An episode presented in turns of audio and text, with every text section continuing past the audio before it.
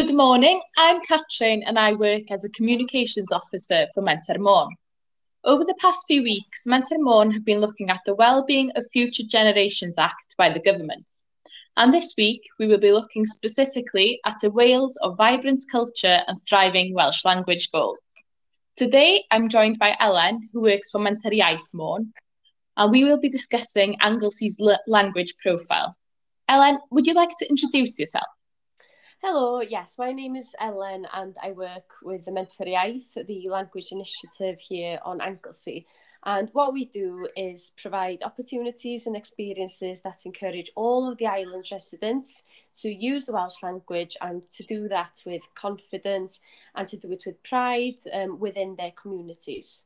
And what is the Anglesey language profile? Well, the language profile looks into and explains the situation of the Welsh language in, in that specific area. So, of course, we're looking at the language profile in Anglesey.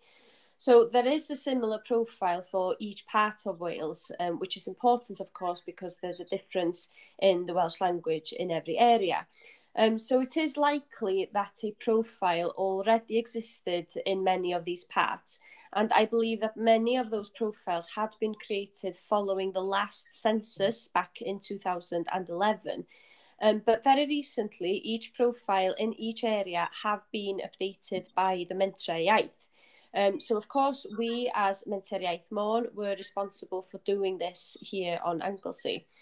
Um, this was an important role for us as a Mentre Iaith, um, and we would like to acknowledge that we didn't do it alone. So in Anglesey, we have a language forum, a forum iaith, um, and it includes various partners around the table and we all meet on a monthly basis to develop, discuss and work on a range of projects um, aiming to increase and strengthen the Welsh language on the island Um, and the Forum Iaith um, did play a key part in the process of updating this language profile, and we're very, very grateful for all of the help we received um, to accomplish this updated version in, in, in quite a short space of time as well. How does this language profile then contribute to the government's well-being goal of creating a Wales of vibrant culture and thriving Welsh language? To put it simply, our aim as a mentor iaith is to promote the Welsh language in the community um, and having thriving communities which have a default place for Welsh contributes automatically to this to this aim. Um, and by doing what we do best, we do hope that our work adds and builds on this vibrant culture that we have here on Anglesey. One obvious reason for us as Language Initiative across Wales to update our own language profiles was so that we can have a better understanding of our communities, which is crucial for us. Um, and also so, so that we can, and we will, use the findings to base our next plan of action for the coming months. So discussions and decisions will need to take place with other partners in light of this profile um, where we will now know a little bit more about the linguistics needs of Anglesey, its people, and without input, we won't know how to program our work and program this work around the needs of the people that we want to help. And obviously, that's that's one of the most important things to us as a language initiative. For those that didn't know about the Anglesey language profile or haven't had a chance to read through it yet, what themes rise through the language profile? Well, there are oh, there are many many themes. Um, there is one subject that especially you know it's especially important for us here in Anglesey. Um, but I'll speak a bit more about that later on. Um, but yeah, it is a long document to say the least. But if you chop it up and spread spread your bedtime reading between a handful of nights, I'm sure you'll get through it, um, and it will be worthwhile.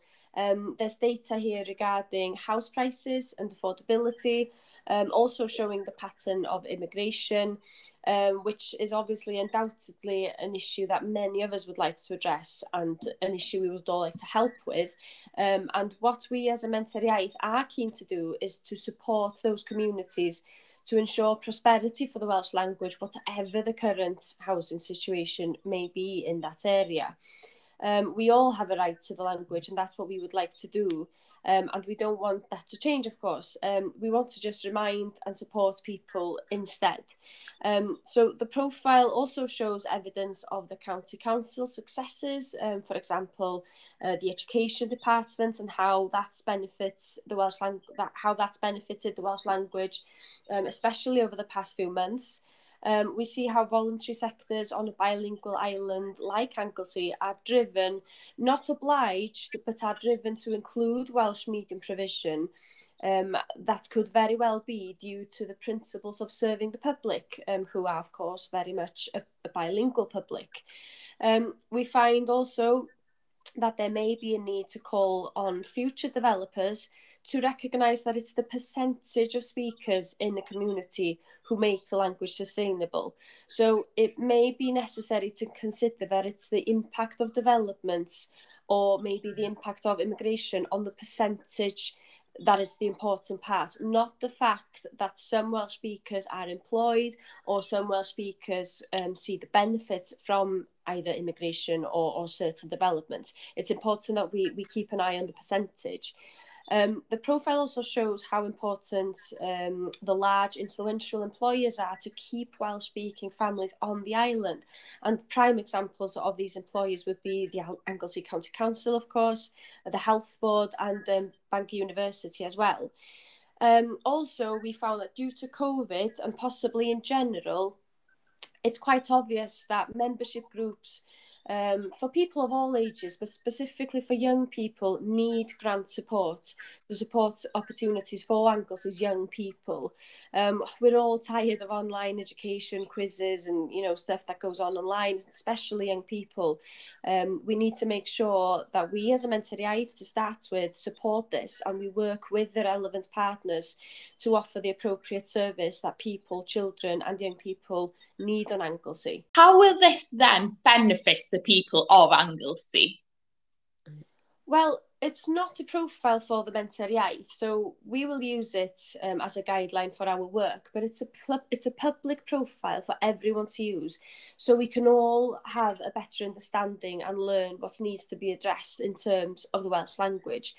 Obviously, one organisation can't do it all. We need to we need to work together to make sure that we that we tackle the things that we haven't covered through this profile. So who, where and what needs priority and what different organisations, communities and just people in general, what can we do to add and maintain this well this this wonderful culture that we do have and we're quite lucky to have it and and our aim is is to is to support that um, not only it is a basis for us as, as a mental health and our line of work, Um, but the profile could help in, in context with the local authorities in their Welsh language strategic plans, um, planning authorities, so local development plans and strategic development plans, um, the education authorities, of course, um, other grant partners who will be able to identify areas of work and provision and fill in these gaps that we might have here um, regional e- economic frameworks, and of course we've already touched on it, the, the Welsh Government Wellbeing Plan as well.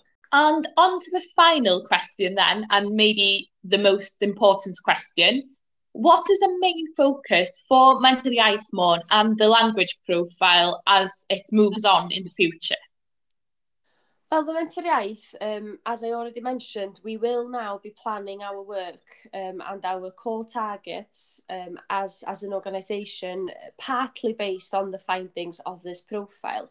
Um, and hopefully that will include elements of, of more than one theme.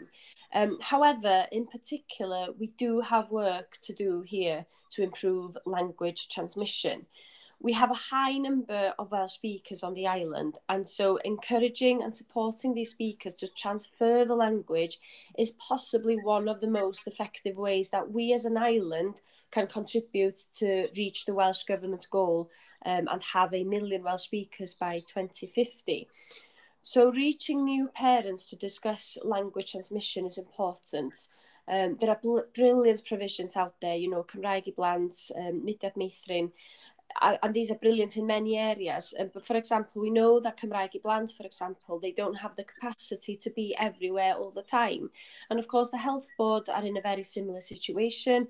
They have their hands already overflowing, not just full, their hands are overflowing trying to work around COVID. And it's fair to acknowledge that it would be very difficult for them alone to give linguistic advice to new parents on top of you know on top of the healthcare that we all receive So the profile does show that the language transmission is a challenge. So is there a gap here in the provision that we all that we all have to offer?